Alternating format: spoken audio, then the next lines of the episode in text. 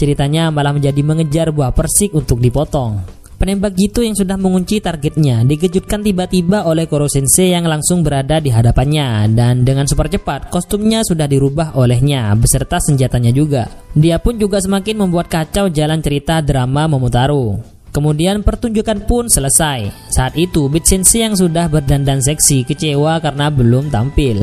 Setelah itu si penembak gitu galau karena baru pertama kali dia gagal dalam misinya. Koro Sensei malah berterima kasih kepadanya karena berkat dia para siswa semakin semangat untuk membunuh Koro Sensei karena takut keduluan dia.